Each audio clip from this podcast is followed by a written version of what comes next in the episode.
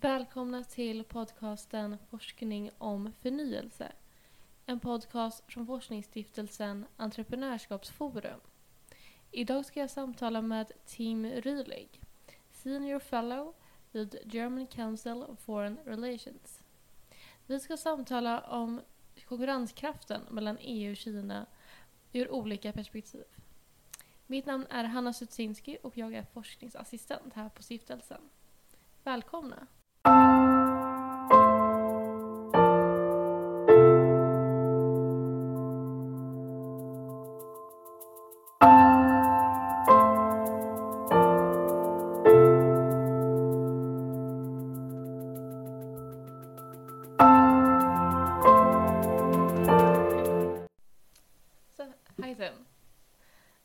You so much for having me.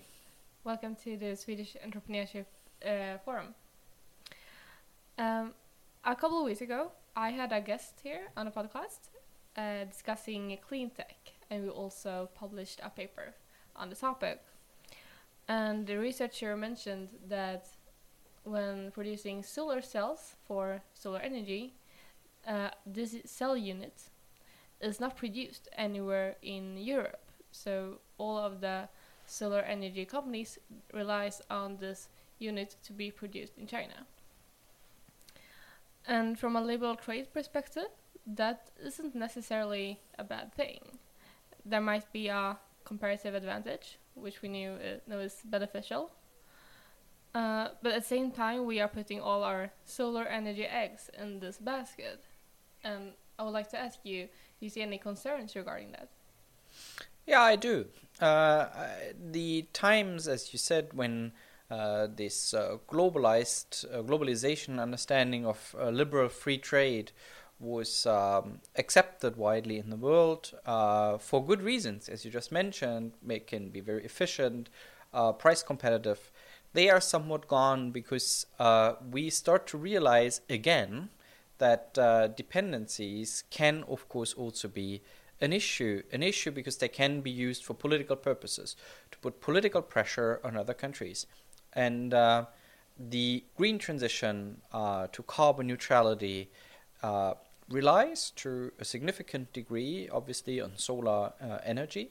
Uh, so it is a central piece of European uh, economic transformation, the green transformation in Europe that is so important for Europe's competitiveness. And we shouldn't rely on a country uh, to the degree that we do, uh, that we don't share a security alliance with, that we certainly have uh, political value differences.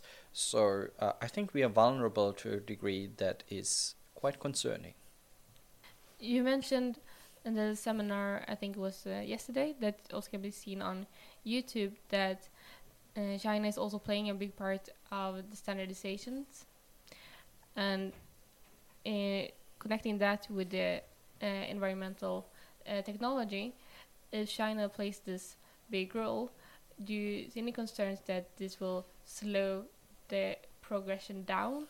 That they will uh, maybe stop the uh, climate change that Europe is so uh, forefront with uh, when we are also relying on China to produce these parts for us that we need in order to to make this change happen.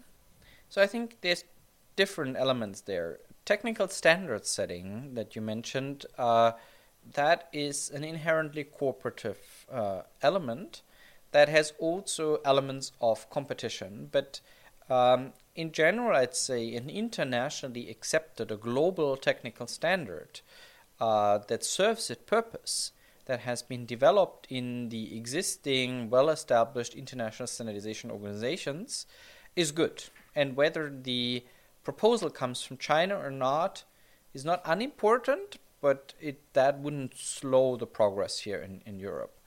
Uh, what would slow the progress in Europe is, I think, if uh, for different reasons that could be political, it could also be disrupt uh, disruptions in supply chains. It could be uh, that there's a high demand within China, so they would export less. But if sort of we would not get hold of the actual equipment from China, or if it was not further maintained and stuff like this.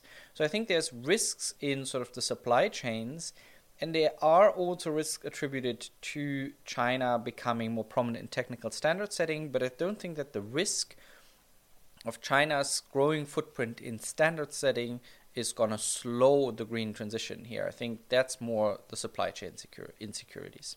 Okay. Uh, because China's made this huge economic leap, mm-hmm. but they have done it without a democ- democratic change and also partly without this environmental change. Do you think that will do you think that will change in China like uh, domestically uh, in the maybe not in the next five years, but in the next 20 years, do you think there will be a convergence to the rest of the mm-hmm. globalization? Mm, so, uh, I think you, have mentioned interestingly two two different uh, elements where we don't necessarily align.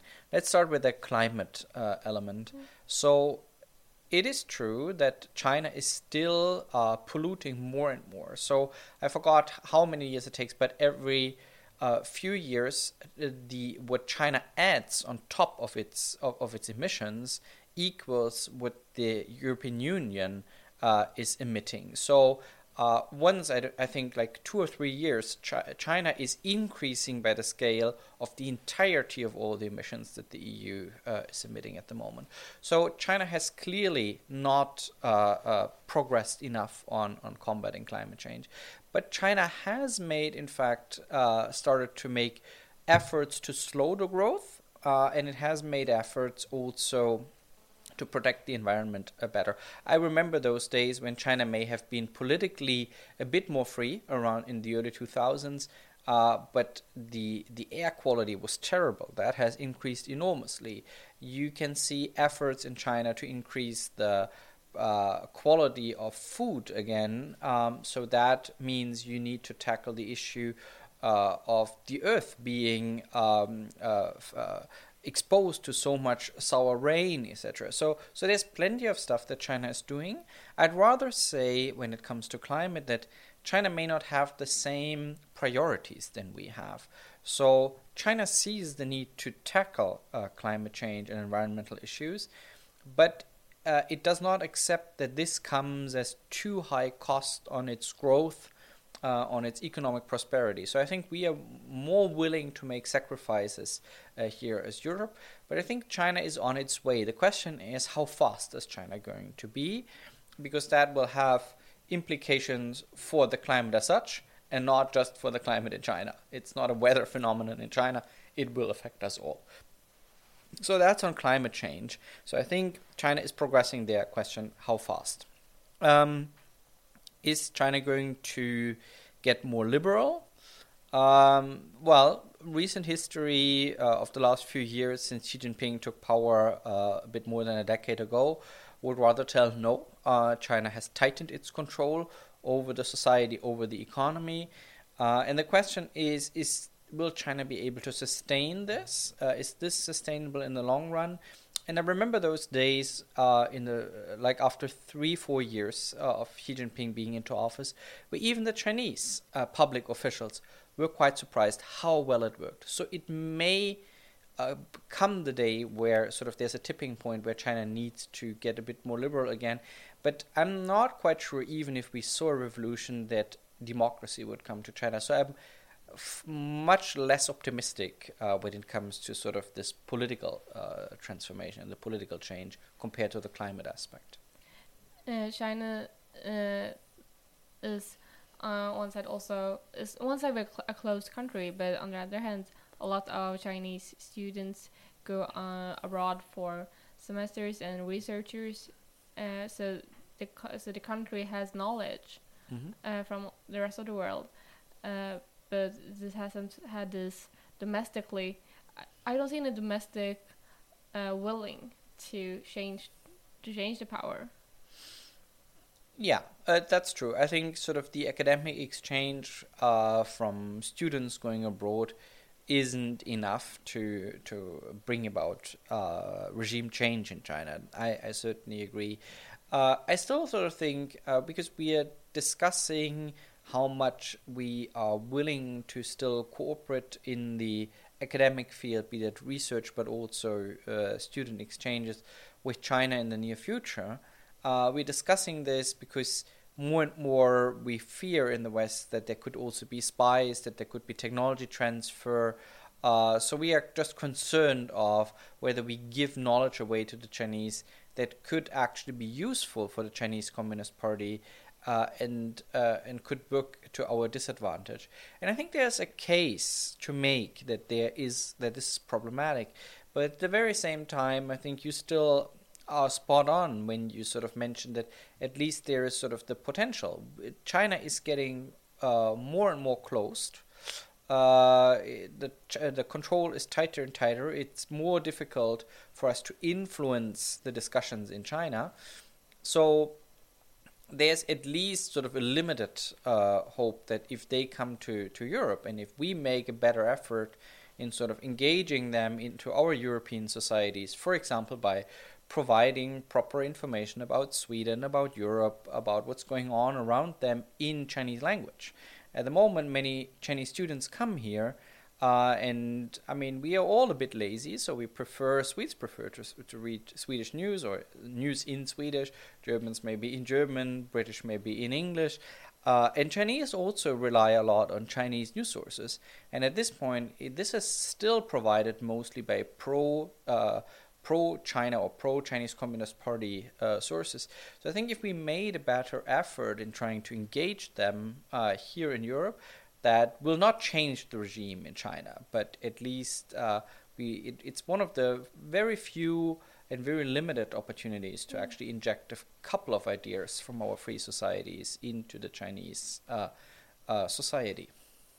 Interesting. Um, when I when I read your draft, uh, I thought about a trip to Brussels I had uh, like two weeks ago.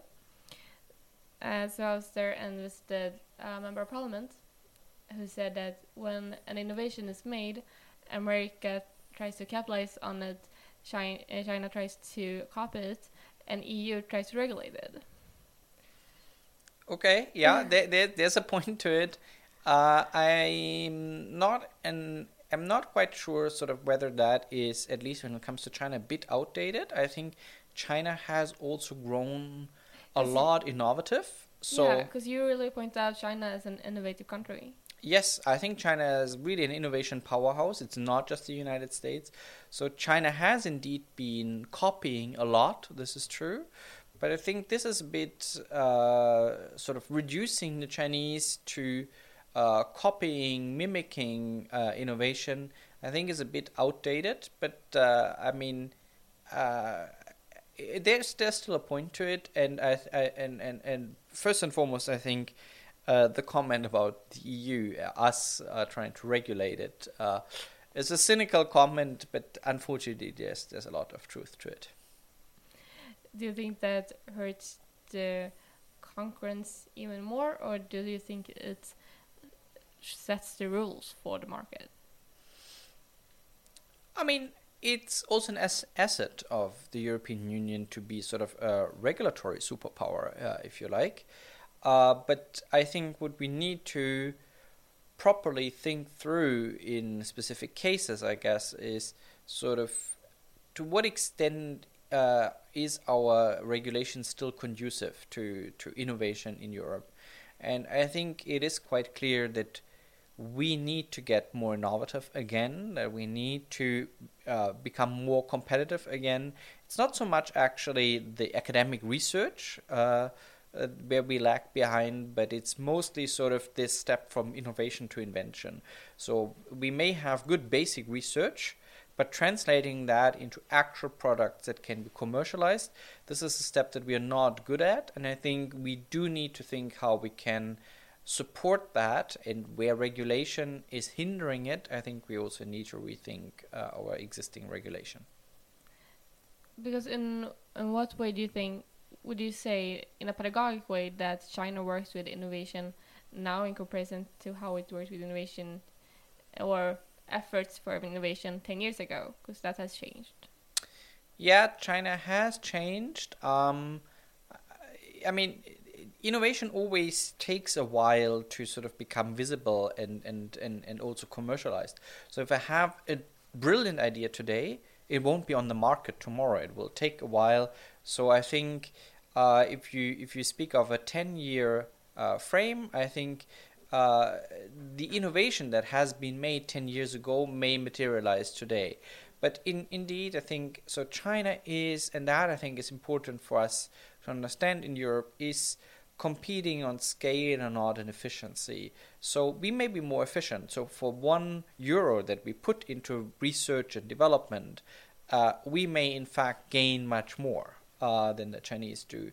But that's not the game that the Chinese play. What they say is, I don't mind if 95% of what I'm investing is going to fail as long as the last 5% is really highly innovative. And I think for a long time we assumed that given the authoritarian context, uh, that uh, there was a lack of freedom in, in China, that China was unable to materialize even those 5%. And I think that has been disproved in the last 10, 15, 20 years. Um, and this is uh, because we have overlooked quite a number of factors that have been conducive to innovation in China. Whether they are being challenged at the moment as I think a valid discussion. I think some of them are being challenged both because domestically China is rather tightening political control uh, again. This shouldn't be helpful. And also, I think uh, the international environment. So China also uh, cooperated a lot with international actors and also the international environment gets more hostile. So, to what extent this is going to affect uh, Chinese in, innovation in, in, and innovativeness needs to be seen. But uh, I think at least we can't be sort of rest assured as Europeans and just think because China is authoritarian, it's not going to be innovative or not going to stay innovative. That's very interesting that you say that they work on scale and not efficiency. Do you think, or is it that they so they invest more in R and D than European countries uh, do in comparison to their own GDPs? Uh, and do in order to conquer that, should uh, the rest of the world also invest more in R and D and see that we reach maybe a position in efficiency where we can't go any further? We should just do more of it, or uh, have we already like missed the train? Well, I mean, just giving up, I think, is no option. So, so I think we need to invest more. I think what is what is the real challenge is uh, to what extent we can adapt to the to the uh, uh, challenge that has grown. Uh, it has grown because uh, China is uh, playing an uneven game with us. I mean, we face not another market market competitor that has a free market, uh, but we face sort of a state capitalist system where the state backs up so many of the of the investments. So uh, Chinese companies often just have much more resources when they compete with Europeans. Uh, they sort of have much more backup, or there's even much more coordination. Um, so so it's an uneven playing field because we sort of don't compete on the same by the same rules on the same grounds. This is one, but it's also an issue because uh, there are security implications. I mean, we've been having this discussion about letting Huawei into our 5G network. So, so there's a clear security angle, not least because we're not in a security alliance with the Chinese. Um, there's value differences that do matter, and I think also that we sort of see increasingly uh, sort of at least thinking about lock-in dependency so that you are technologically relying on a, on a country or on the products from one country that could be China. And if that's very critical and very hard to, to replace then you also politically somewhat uh, rely on China uh, in, in, specifically because there's no clear distinction between politics and economics in China. So if you rely on a Chinese company, you India ultimately also rely sort of on Chinese political goodwill. So I think the challenge is really there. Uh, and what we need to do is adapt. So we certainly need to invest more. So we need to change and overthrow, I think, some old of the convictions and do more. But at the same time, we also need to be careful in thinking about what our strengths are.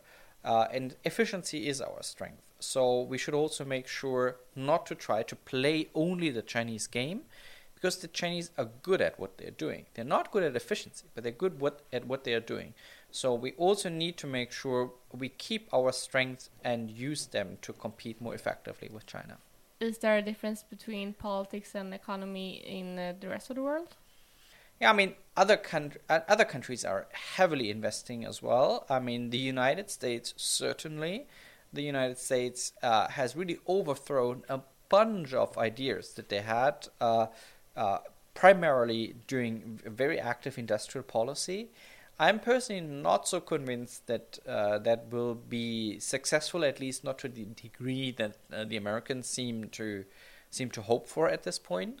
But I'm also not so hopeful for the European Chips Act. That is also a piece uh, of of active industrial policy. So that's why I'm saying I don't think we should copy only the Chinese approach. I think we should be rather sort of carefully thinking what is it that we are precisely concerned in a specific technological field that can be technological competitiveness. In that case, we certainly need to do industrial policy, but it can also be resilience of supply chains, it can be national security concerns, it can be value concerns. And I think we need to be very careful in sort of not uh, having one policy option to try to solve everything because these are very different concerns and i think the priorities are also quite different depending on specific technological field and we should identify really the right policy instruments to tackle different concerns in different technological fields. And when you speak about both uh, economics and politics on the same uh, in the same field, uh, these are elements that I was not taught in university uh, when I studied economics, and I graduated last year. So I was taught that uh, like free trade is always beneficial for both parts, and we calculated without any barriers here you're uh, putting in both uh, politics but also security elements. Mm.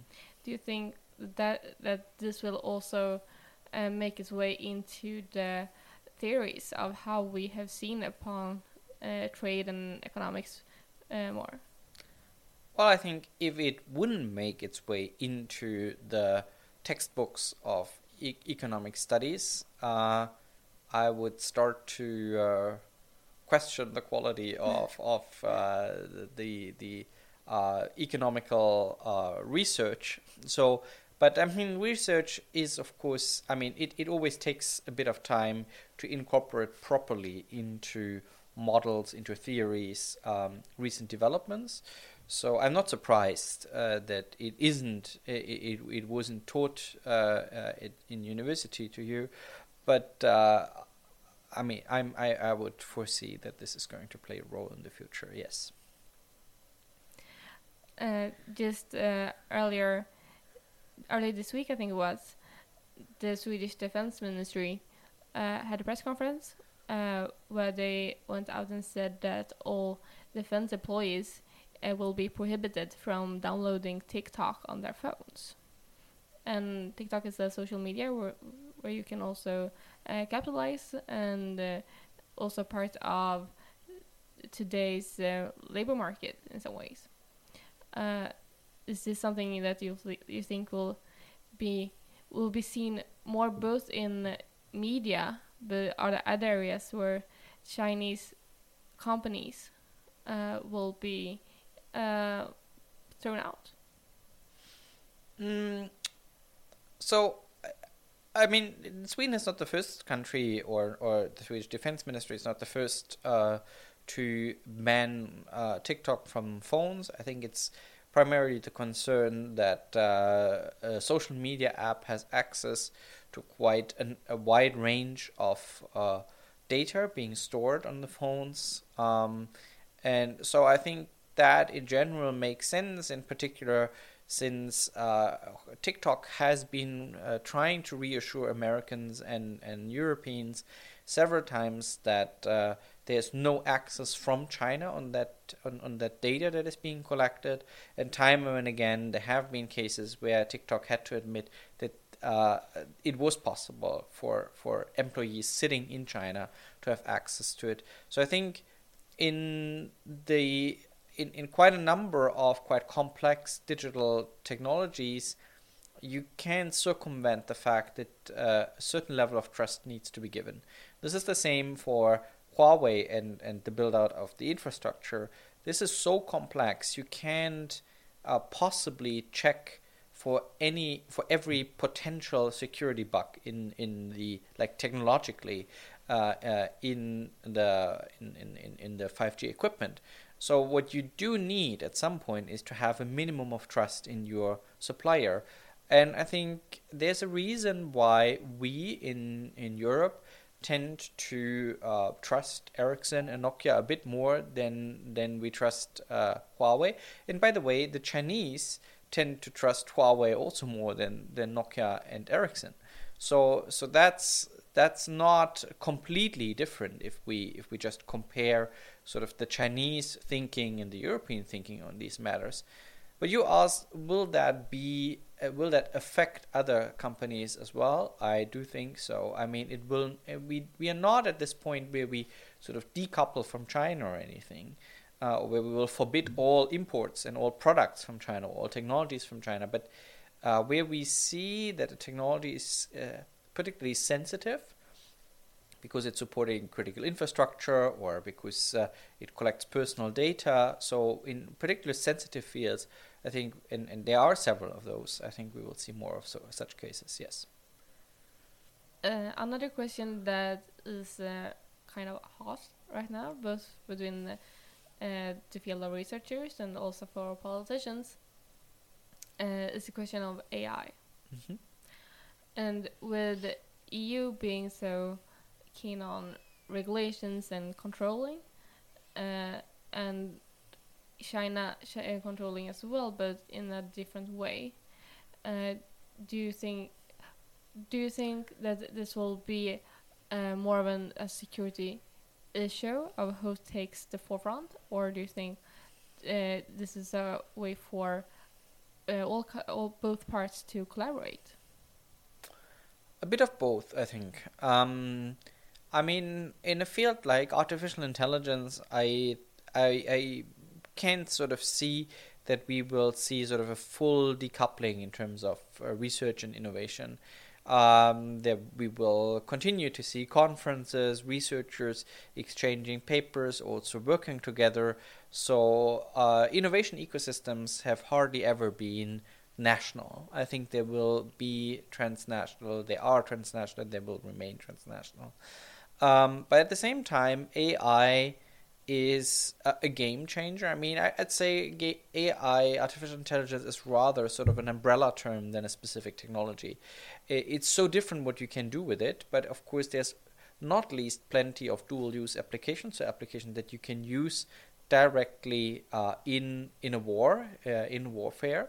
So, uh, not least in that sense, I think it will be very clear that we we are already seeing sort of a race between the two blocks, the West and and, and China, uh, on this, and I think we will continue seeing this.